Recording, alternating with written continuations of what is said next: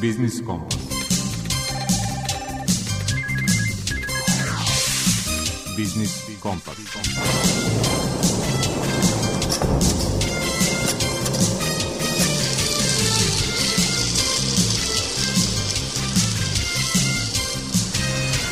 Pred mikrofonom je Đuro Vukilić.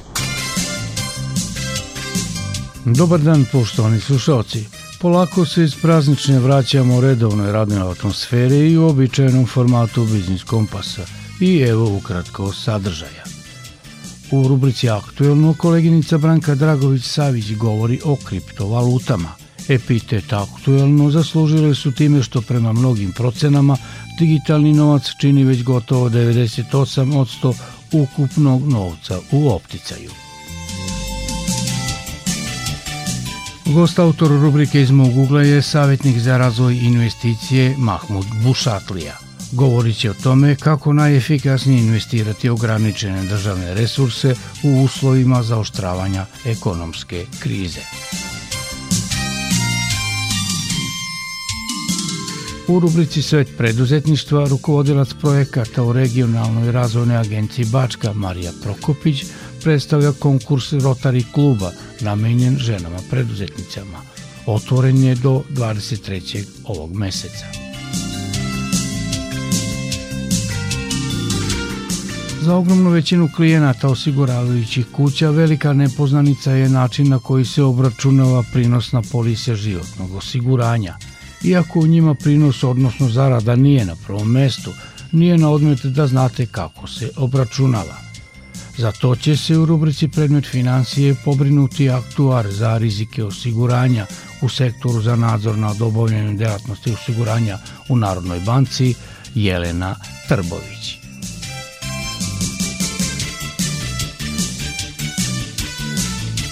Neupućenost građana očigledna je i kod prava vezanih za kupovinu tehnički neispravne bele tehnike. Kako da ostvarite pravo na povrat novca, popravku ili novi uređaj? Posavetovat će vas pravni savjetnik u Udruženju za zaštitu potrošača Vojvodine Mladen Alfirović. I pre najavljenih tema kraća muzička pauza.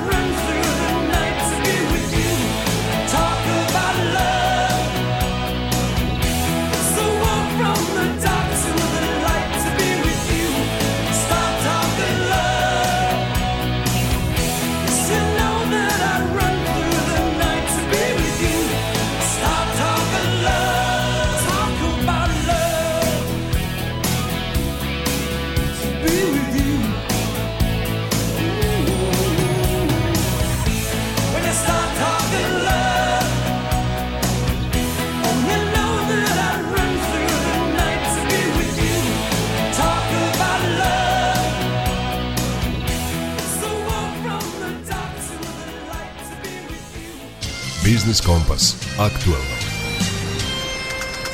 Na globalnom tržištu već je skoro 98% ukupnog novca u opticaju u digitalnom formatu, što trgovci kriptovalutama vide kao pozitivan ambijent i za širenje tog tržišta. A prve dve domaće firme nedavno su od Narodne banke Srbije dobile dozvole za pružanje usluga povezanih sa virtualnim valutama. O tome Branka Dragović-Savić.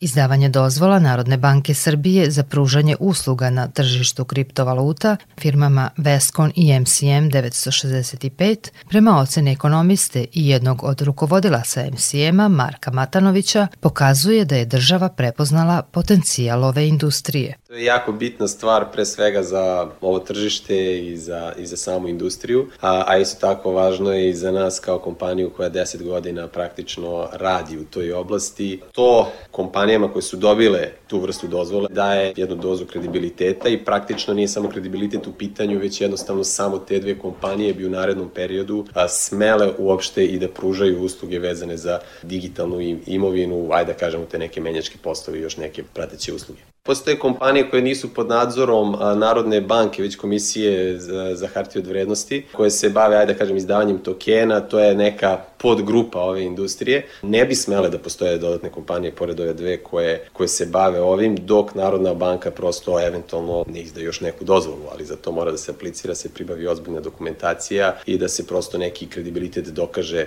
i kroz taj proces. On kaže da su te dve firme registrovane za prijem, prenos i izvršenje naloga koji se odnose na kupovinu i prodaju virtuelnih valuta za račun trećih lica, te zamenu jednih za druge virtuelne valute ili drugu digitalnu imovinu. Zakon o digitalnoj imovini je praktično donet e, krajem 2020. stupio na snagu, to je primjene počelo u junu 2021. Do tog datuma bilo je više firmi koji su se bavile ovom, ovom oblašću. Ono što je zakon nalagao jeste da mogu nastaviti da rade sve one firme koje sa tim junom 2021. prosto apliciraju za tu dozvolu kod Narodne banke i kod Komisije za hartije od vrednosti. Od svih kompanija koje su do tada bile prisutne na tržištu, MCM 965, to jest ECD, je aplicirala, podnala tu dokumentaciju i to nam je dalo pravo da nastavimo da radimo taj posao. Matanović napominje da u Srbiji postoji veliko interesovanje za ovo tržište. Ima nekih svojih uspona i padova u zavisnosti šta se dešava i na geopolitičkoj sceni, do skoro veza između tržišta kriptovaluta i, da kažem, ostatka ekonomije nije bila u visokom nivou korelacije, međutim to se u poslednje dve godine negde i promenilo, tako da sva ona dešavanja na drugim tržištima negde tangiraju dešavanja na tržištu kriptovaluta. Međutim, priliv novih korisnika, priliv novih zainteresovanih ljudi za samu oblast je konstantan i postoji. Sama činjenica da sada i naša država je izdala određene dozvole daje legitimitet legitimitet toj priči i negde čini mi se da uliva dodatnu dozu sigurnosti da kroz relevantne subjekte na tržištu neki rizici su ipak umanjeni. A da rizik u samo ulaganje u kriptovalute postoji, naravno, kao što postoji ulaganje u bilo šta drugoj. On objašnjava na koji način mogu da se umanje rizici ulaganja u virtualnom prostoru i koji su njegovi benefiti. Prva stvar je informišite se. Druga stvar, ne možete nešto naučiti ako ne probate kriptovalute se često posmatraju kao nešto što treba da donese određenu dobit, međutim to nije jedini slučaj gde se one mogu koristiti. U slučaju da, da idete sa motivom ulaganja, prosto morate biti spremni da postoji šansa i da to ulaganje ne ispada onako kako ste zamislili. Tako da na rizik morate biti spremni. S druge strane, vi kriptovalute, ako bismo pričali o Bitcoinu, to je jedna od prvih solucija koja omogućava da ja recimo sve ono što sam stekao u životu, ja mogu da pre pretočim u tu kriptovalutu i mogu da se spakujem i da odem na bilo koji drugi deo planete i da jednostavno svu svoju imovinu prenesem s tačke A na tačku B, a da to niko ne može da spreći. Što kad je u pitanju novac koji mi je na računu banke ili nekretnina ili automobil ili stvari, ja jednostavno ne mogu da uradim tako lako. Dodaje da tendencija izbacivanja keša iz upotrebe u mnogim državama takođe ide u prilog razvoju tržišta kriptovaluta u narednom periodu. 97-8% ukupnog novca u opticaju je već u digitalnoj formi, bez kriptovalute. Znači dinari, dolari, evri, svi naši bankovni računi su stvari podaci, to je već digitalni format. Sam keš u opticaju je nekih preostalih 2-3%, tako da kriptovalute iz tog ugla nisu nešto novo, nego samo dovršavaju tu ideju digitalizacije i otišle su potpuno u tom smeru. Da li će kriptovalute u potpunosti zameniti današnji novac? Finansijski sistem je jedan od najbitnijih sistema globalnog globalnog sveta i da se taj sistem promeni preko noći tako što ćemo prestati koristimo digitalne dinare, evre, dolare i početi svi koristimo Bitcoin, to je nemoguće. Ali mislim da će kriptovaluta apsolutno naći svoju primjenu i ta primjena će se povećavati. Već su određene centralne banke krenule u pravcu apsolutne digitalizacije i razmišljanja u tom pravcu, čak su neke države donale odluku da će potpuno keš ispaciti iz upotrebu narednih par godina. Tako da to je prosto trend koji će se apsolutno desiti i dešava se. Matanović smatra da je dobar trenutak za kupovinu kriptovaluta, koje u svetu trenutno posjeduje mali procenat ljudi. Procenjuje se između 200 i 300 miliona. Inače, i Evropska unija priprema propise za uređenje kriptosektora, a prema kojima će svi provajderi digitalne imovine morati da prijavljuju transakcije.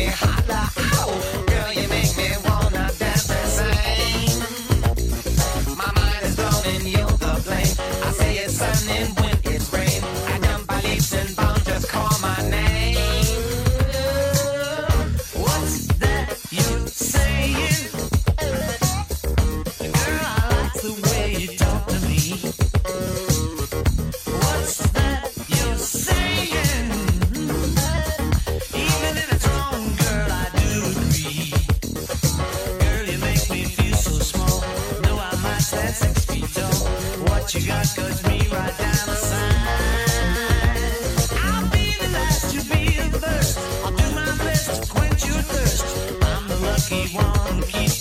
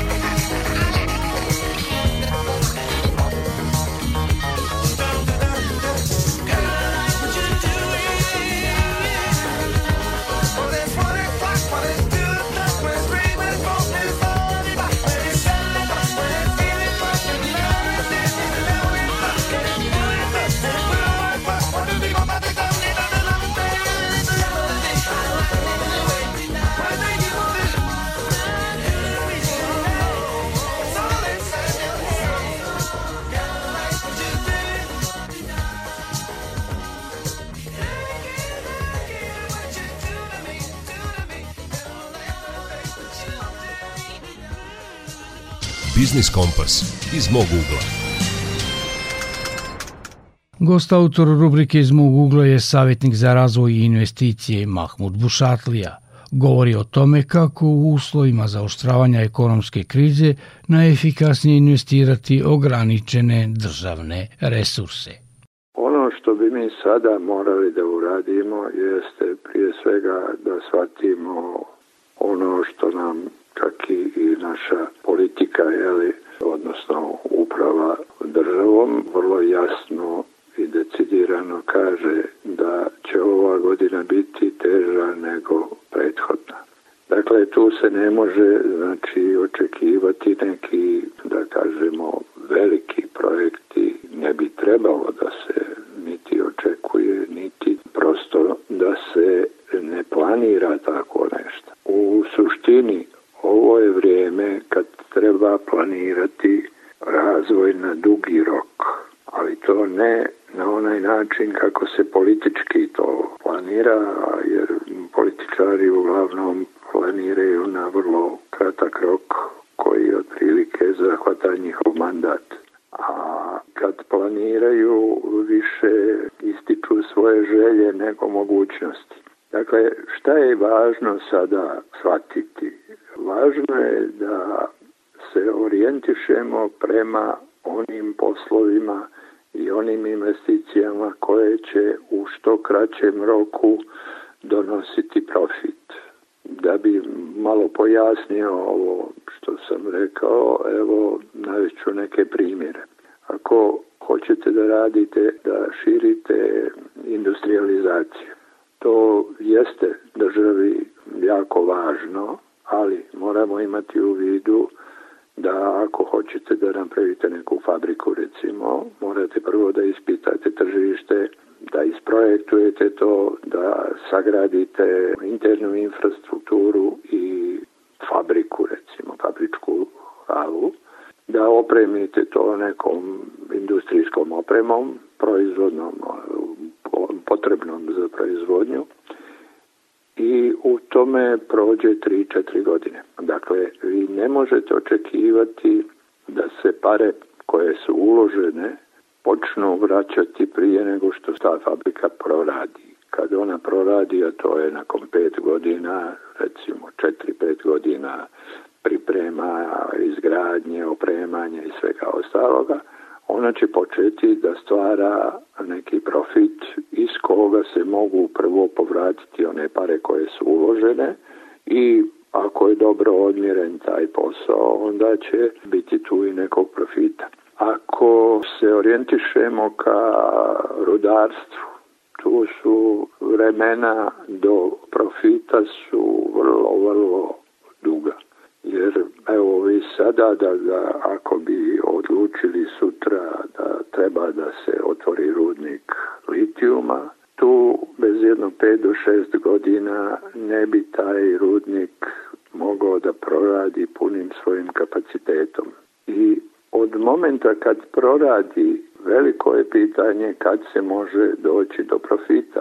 Jer država tu praktično kad da nekome koncesiju, onda njemu da mogućnost da, da sebi zarađuje pare, a ne da pomogne državi.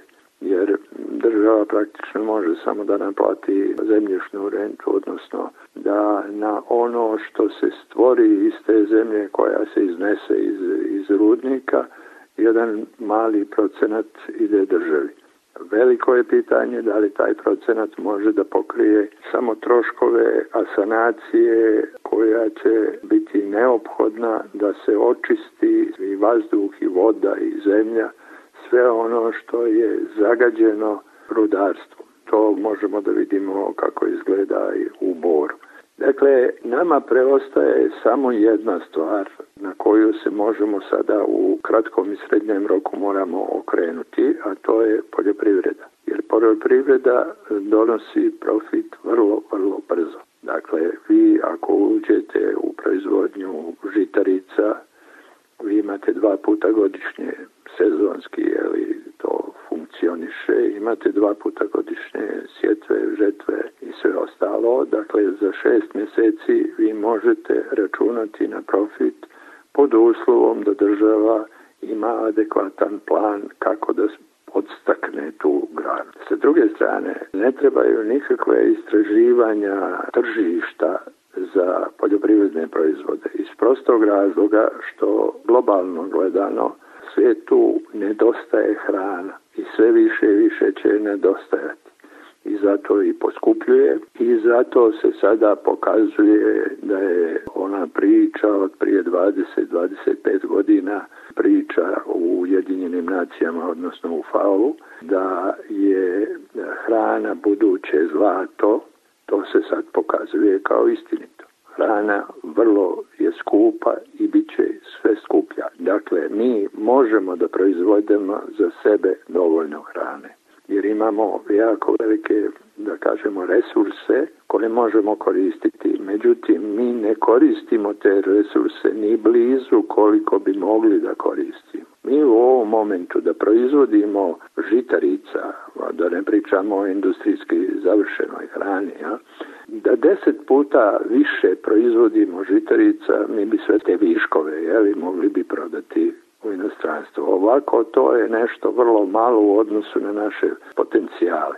Dakle, tu se moramo koncentrisati jer od momenta kad država nađe način da pomogne poljoprivredi da raste, ona će začas početi davati profit. Daleko, daleko prije nego što će to industrijski pogoni, nego što će proizvodnja struje se povećati i nikada se neće moći toliko proporcionalno povećati. Može možda da se poveća 20% naše kapaciteta u sljedećih 20 godina, može i 40%, ali treba čekati 20 godina da počne profit da skače na izvozu struje.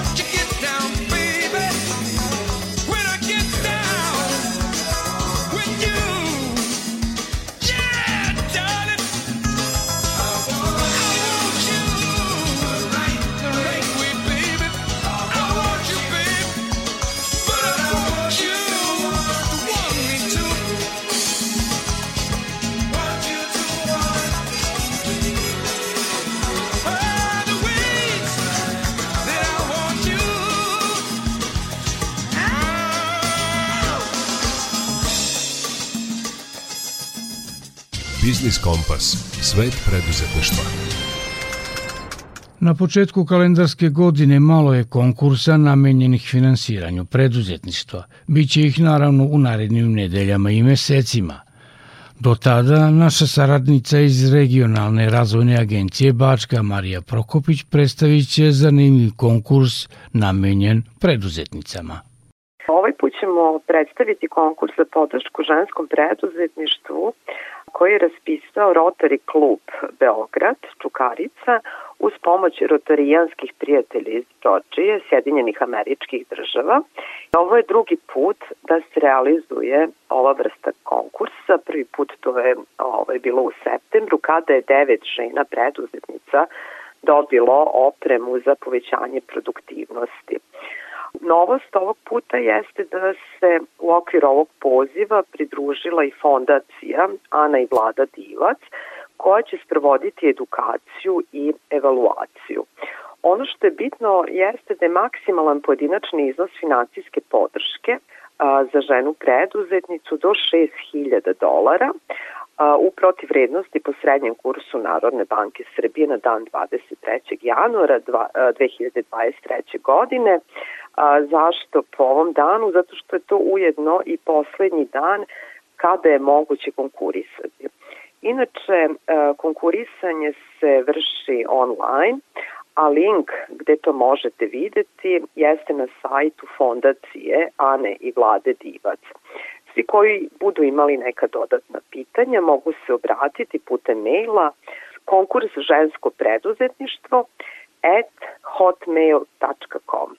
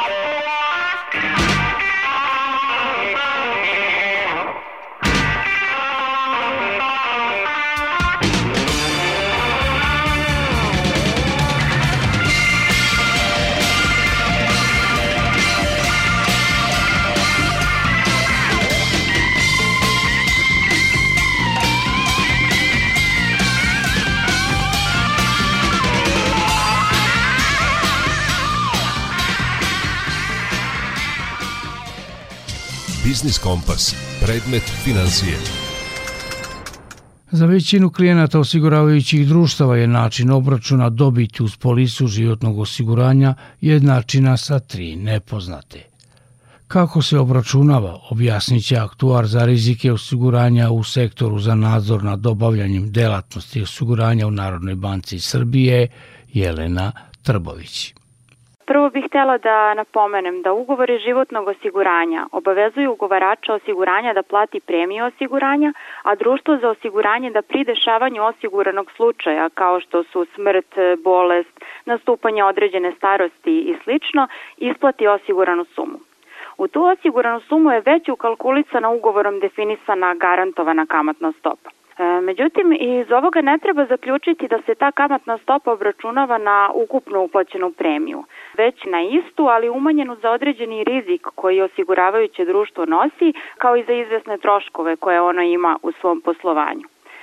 E sad, objašnjenje za ovo leži u tome da se u slučaju smrti ili drugog osiguranog slučaja u gotovo celom periodu trajanja osiguranja ili celom, osiguravač ima obavezu da isplati celu osiguranu sumu i to bez obzira na do tada uplaćenu premiju. Tako, na primer, ukoliko ugovor recimo traje 20, 25 ili 30 godina, a osiguranik umre već nakon godinu dana trajanja ugovora, korisniku osiguranja će svejedno biti isplaćena cela osigurana suma, iako je do tada plaćena samo jedna godišnja premija. Isplata osigurane sume korisnicima osiguranja nije predmet ostavinske rasprave, osim ako korisnici nisu definisani ugovorom. Pored navedenog, odnosno e, pored te garantovane osigurane sume, društvo u slučaju proizvoda sa štednom komponentom ima i diskreciono pravo da se dodatno obaveže na isplatu učešća osiguranika u dobiti. Ovde je bitno napomenuti da se ovo učešće ne odnosi isključivo na učešće u neto dobiti, e, već izvor dobiti može biti recimo razlika između ostvarene i garantovane stope prinosa, što je u stvari i najčešći slučaj na tržištu, ali to mogu biti i neki drugi izvori kao što su recimo povoljnija smrtnost od one koja je korišćena u obračunu, zatim prikupljena sredstva matematičke rezerve bezvrednih životnih osiguranja, niži troškovi poslovanja, zastarela potraživanja nastalih obaveza i drugi izvori. E sad, konkretan iznos dobiti za određenu godinu se definiše odlukama uprave društva, a na osnovu prethodno određenog raspona ili bez unapred zadatih ograničenja u zavisnosti od toga kako je društvo to definisalo, a može s treće strane biti i unapred utvrđen tačan iznos dobiti za određeni broj godina unapred. Dakle, dobit se pripisuje na godišnjem nivou i društva imaju obavezu godišnjeg obaveštavanja korisnika usluge osiguranja o ovom pripisu – i pri tome je bitno napomenuti da jednom pripisana dobit postaje garantovano pravo osiguranika koje on ostvaruje prilikom isplate osigurane sume ili otkupne vrednosti. Kao što sam već napomenula, na tržištu postoje različite prakse kada je reč o samim kriterijumima za raspodelu dobiti, e, međutim sve ovo o čemu sam sad govorila je preciznije definisano internim aktima društava za osiguranje kao i ugovorima, odnosno uslovima osiguranja. Ono što je važno napomenuti da je društvo za osiguranje dužno da pre samog zaključenja ugovora obavesti ugovarača o osnovici i kriterijumima za učešće u dobiti, kao i načinu i rokovima za isplatu učešća u dobiti. Narodna banka Srbije dakle ne uređuje visinu, način niti kriterijume raspodele dobiti, ali vrši kontrolu poštovanja zakonskih i ugovornih odredbi koji se odnose na pripis dobiti. Ukupan iznos rezerve za učešće u dobiti na kraju 2021. godine na tržištu osiguranja je iznosio 5,4 milijarde dinara, što je činilo nekih 4,7% ukupne matematičke rezerve, odnosno sredstava iz kojih se isplaćuju osigurane sume. Kada je reč o investiranju ovih sredstava, propisima su precizno definisani oblici investiranja kao i ograničenja koje se odnose na pojedinačne oblike ulaganja. Prema našim podacima, više od 90% ovih rezervi je uloženo i ulagano već dugi niz godina u obveznice Republike Srbije. Još bih napomenula da su poslednjih godina na domaćem tržištu sve zastupljeniji i proizvodi osiguranja vezani za jedinice investicionih fondova, kod kojih sva ova prethodno iznata pravila ne važe, već je kod njih celokupan rizik investiranja prenet na osiguranike, međutim učešće ovih ugovora još uvek malo na tržištu životnih osiguranja.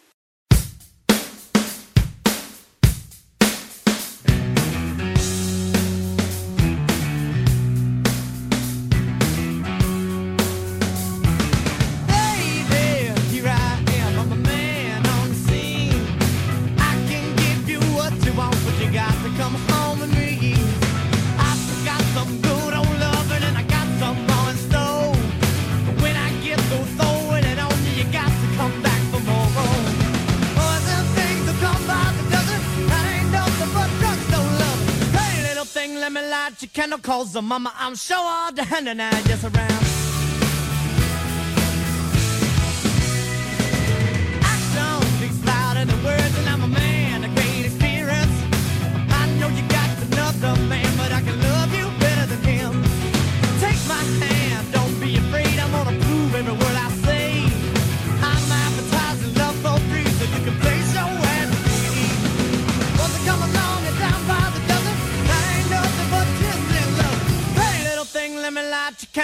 And mama, I'm sure all the hand and just around.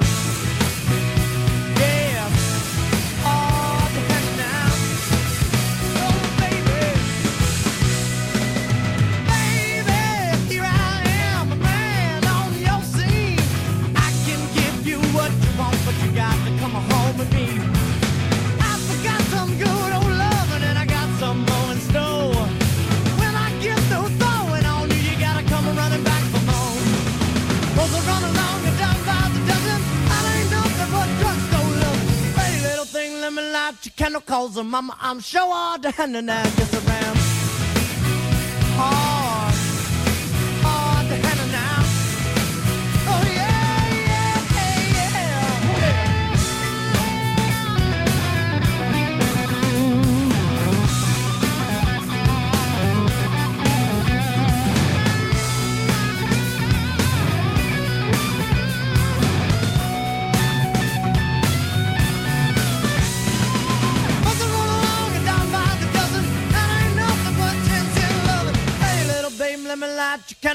And mama, I'm sure the hand and I just around.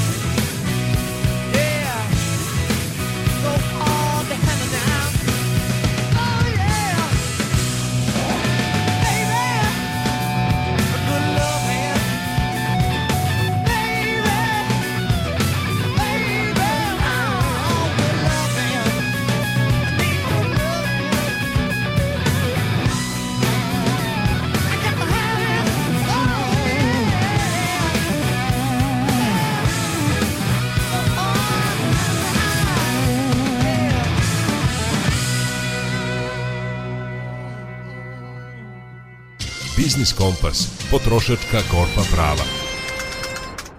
Veliki broj prigovora koji pristižu na adrese potrošačkih udruženja odnosi se na neispravnost tehničke robe. Šta više, istraživanja potrošačkih asocijacija pokazuju i slabo poznavanje potrošačkih prava baš u toj oblasti. Razlog više da pažljivo poslušamo savete pravnog savjetnika u Udruženju za zaštitu potrošača Vojvodine, Mladena Alfirovića. Poslednji slučaj koji smo imali je vezan za jednu gospođu koja je reklamirala veš mašinu i zahtevala da se ona zameni u roku od pet meseci kad se kvar pojavio nakon kupovine. Međutim, trgovac je odbio zamenu, zahtev za zamenu i veš mašinu je popravio. I praktično stavio pred svršen čin da, da ona to prihvati ili u slučaju da neće da prihvati popravku, veš mašina bi joj bila vraćena ta prvobitna. E, Ono što je bitno da se zna na osnovu zakona o zaštiti potrošača jeste da potrošač u prve dve godine od dana kupovine ima pravo da zahteva što je predviđeno zakonom. Dakle, to može biti popravka i zamena ili povraćaj novca. Međutim, razlika je u prvih šest meseci. Dakle, ukoliko se u prvih šest meseci javi bilo kakav nedostatak u radu, bilo kakav kvar, vi kao potrošač imate pravo da zahtevate i popravku i zamenu i povraćaj novca. Dakle, sve te opcije su a, vam na raspolaganju. Međutim, razlika nastaje ako se taj nedostatak javi posle šest meseci, u tom slučaju biste vi imali pravo samo da birate između popravke i zamene. I ono što je jako bitno da se napomene jeste da ukoliko se u prvih šest meseci pojavi taj nedostatak, smatra se da vam je roba prodata sa tim nedostatkom, što praktično znači da trgovac onda mora da dokaže ukoliko želi da odbije vašu reklamaciju, da je prosto taj kvar nastao vašom krivicom, nestručnim rukovanjem ili zbog bilo kog drugog razloga koji je na, na strani potrošača. Dakle, na trgovcu je teret dokazivanja i svaka reklamacija koja se odbija u prvi šest meseci mora da posjeduje obrazloženje i nalaz izveštaja ovlašćenog servisa gde se potvrđuje da je potrošač kriv i da je to razlog za, za odbijanje reklamacije. U ovom konkretnom slučaju se radi o tome da je trgovac praktično priznao svoju odgovornost, priznao je da nema krivice potrošača, međutim odbio je zahtev za zamenu, što opet nije u skladu sa zakonom, jer takođe zakon propisuje da za bilo kakvu popravku, a naročito u prvih šest meseci, potrebna saglasnost potrošača. Dakle, to što potrošač nije dala saglasnost da se uređaj popravi, već što je zahtevala zamenu, e, ne može biti razlog da se odbije reklamacija i da se odbije prigovor potrošača u ovoj situaciji. Dakle, mi smo u skladu sa zakonom postupali u ovom slučaju, dali smo pravne savete potrošaču, ona se ponovo obratila trgovcu i nakon dve nedelje opet dobila negativan odgovor. Nakon toga smo mi intervenisali, dakle naš pravni tim se direktno obratio predstavniku trgovca i uspeli smo na kraju da pomognemo ovoj gospođi da ona ostvari svoje pravo i da dobije ipak novu veš mašinu, što jeste sve u potpunosti u skladu sa zakonom. Dakle, i dalje ima trgovaca koji na, sve, na raznorazne načine pokušavaju da, da zaobiđu primjenu zakona, računaju vratno na to da potrošači nisu dovoljno informisani, da ne znaju koja su njihova prava i pokušavaju da nekad robu poprave, iako bi po zakonu morali da, da je zamene kad postoji očigledno njihova odgovornost. Dakle, generalno savjet potrošačima da kad imaju bilo kakvu nedoumicu, ako nisu sigurni na koji način treba da postupe, da li treba nešto da prihvate, koja su njihova prava, da ipak kontaktiraju našu organizaciju i da dobiju sve neophodne informacije i savete i onda će nakon toga možda moći da, laički rečeno, prođu mnogo bolje nego što bi inače prošli bez neke stručne pomoći. Dakle, kad je u pitanju tehnička roba gde imamo najveći broj prigovora,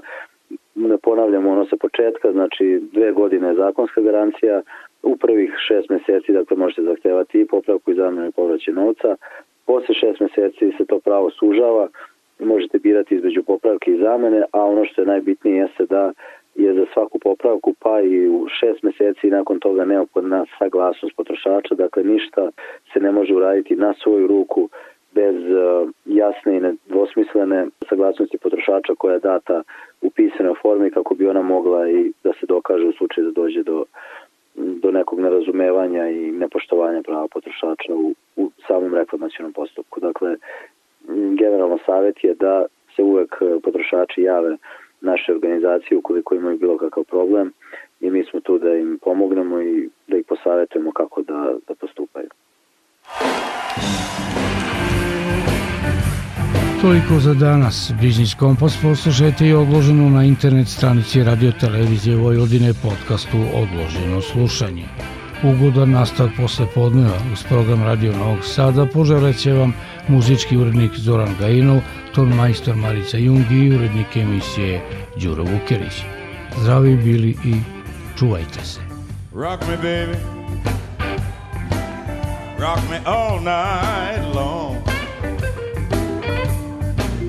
Rock me baby Honey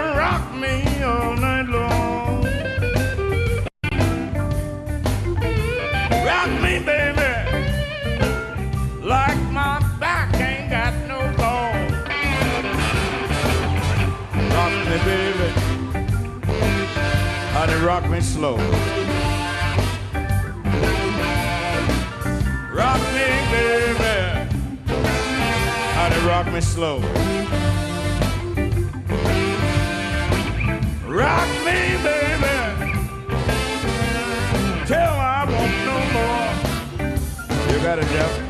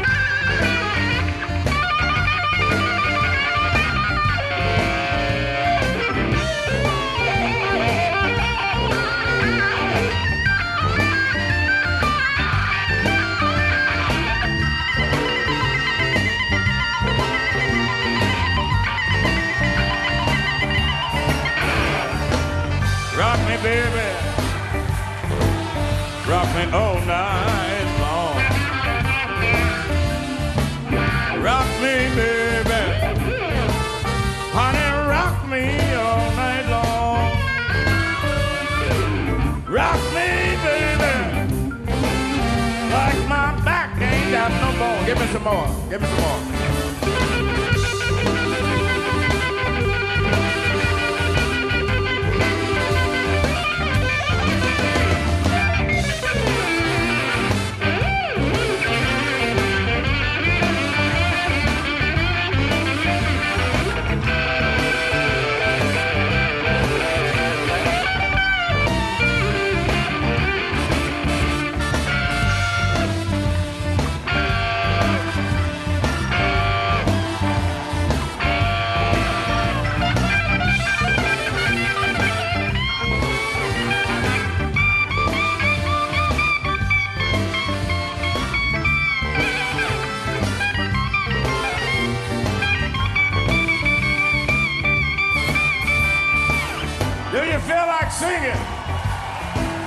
I said, do you feel like singing?